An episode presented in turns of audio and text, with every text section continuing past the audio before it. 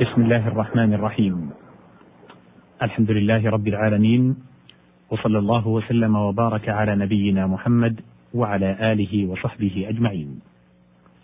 أحييكم أيها المستمعون الكرام أيتها المستمعات الكريمات في مطلع هذا اللقاء المبارك على مائدة كتاب الله سبحانه وتعالى. كنا قد توقفنا عند مادة الحاء واللام واللام. وبقي فيها بقية. فالحلة الرداء والإزار لأنهما يحلان ويشدان.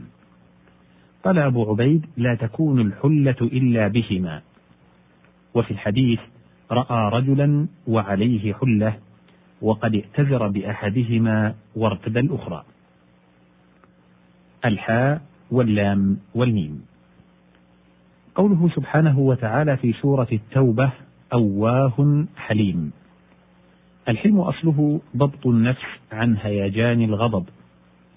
وإذا ورد في صفات الله تعالى فمعناه الذي لا يستجزه عصيان العصاة ولا يستخفه الغضب عليهم.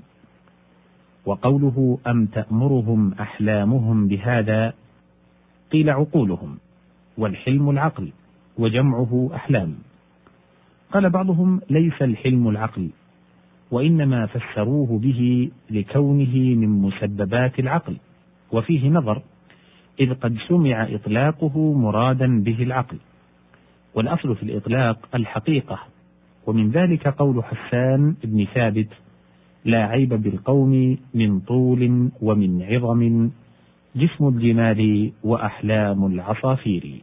أي عقولها. يقال حلم يحلم حلما. وحلمه العقل وتحلم إذا تكلف ذلك. وتحلمت المرأة ولدت أولادا حلما. قوله تعالى في سورة النور وإذا بلغ الأطفال منكم الحلم أي زمن البلوغ وسمي الحلم لكون صاحبه جديرا بالحلم. وقوله فبشرناه بغلام حليم أي وجدت منه قوة الحلم. وحلم في نومه يحلم بضمتين وحلما بضمة وسكون وحلما بضمة وفتحة. حكاه الراغب. وحلمت به في نومي أي رأيته في المنام. قوله سبحانه في سورة هود إنك لأنت الحليم الرشيد. من باب قولهم في المخاصمة أنت الحليم الكامل يعنون السفيه. فهي من التهكم. كقوله ذق إنك أنت العزيز الكريم. وفي الحديث قضى في الأرنب بحلام أو بحلام فالحلام الجدي وقيل الحمل ويقال فيه حلان أيضا بالميم والنون. وفي الجزية من كل حال دينار أي المحتلم والمراد من بلغ سن الاحتلام أو احتلم. الحاء واللام والياء. قوله تعالى في سورة النحل حلية تلبسونها. الحلية الزينة.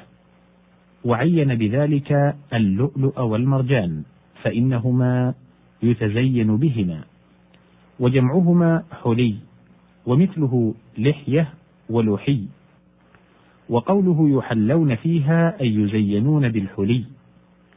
وقوله من حليهم الحلي جمع الحلي وهو ما يزين به من الذهب. الحاء والميم والهمزة. قوله تعالى في سورة الحجر من حمأ مسنون الحمأ والحمأة الطين الأسود المنتن. وقوله في عين حمئة أي ذات حمأة يقال حمأت البئر وأحمأتها ألقيت فيها الحمأة. الحاء والميم والدال. الحمد الثناء بجميل الأوصاف ولا يكون إلا باللسان سواء على نعمة مسداة أو على صفة في المحمود قاصرة عليه. بخلاف الشكر فإنه لا يكون إلا على نعمة مسداة ويكون باللسان والجوارح والجنان. وأنشدوا أفادتكم النعماء مني ثلاثة يدي ولساني والضمير المحجب. فبينهما عموم وخصوص من وجه. وقيل الحمد الرضا. حمدته أي رضيته. الحاء والميم والراء. قوله تعالى في سورة المدثر كأنهم حمر مستنفرة. الحمر جمع حمار ويجمع أيضا على حمير.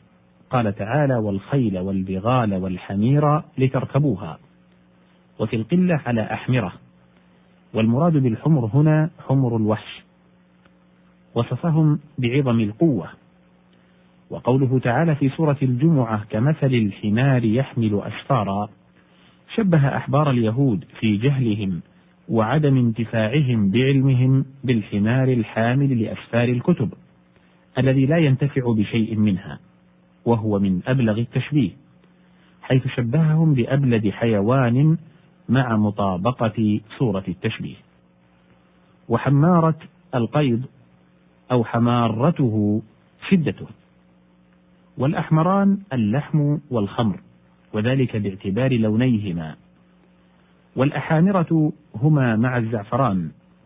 ومن ذلك قول الأعشى إن الأحامرة الثلاثة أتلفت مالي وكنت بهن قدما مولعا الخمر واللحم السمين وأطلي بالزعفران فلا أزال مولعا.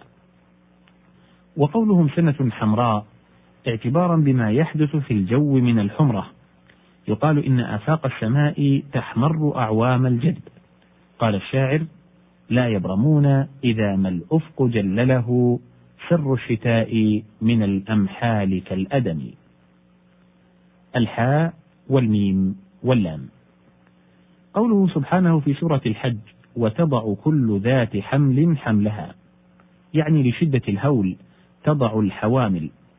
والحمل ما كان في بطن حيوان من الأجنة أو على رأس شجرة. وبالكسر ما كان على ظهر.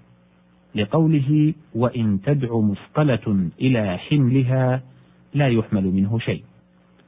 وقوله تعالى في سورة الذاريات فالحاملات وقرا هي السحاب لحملها ماء المطر. وقال الراغب الحمل معنى واحد.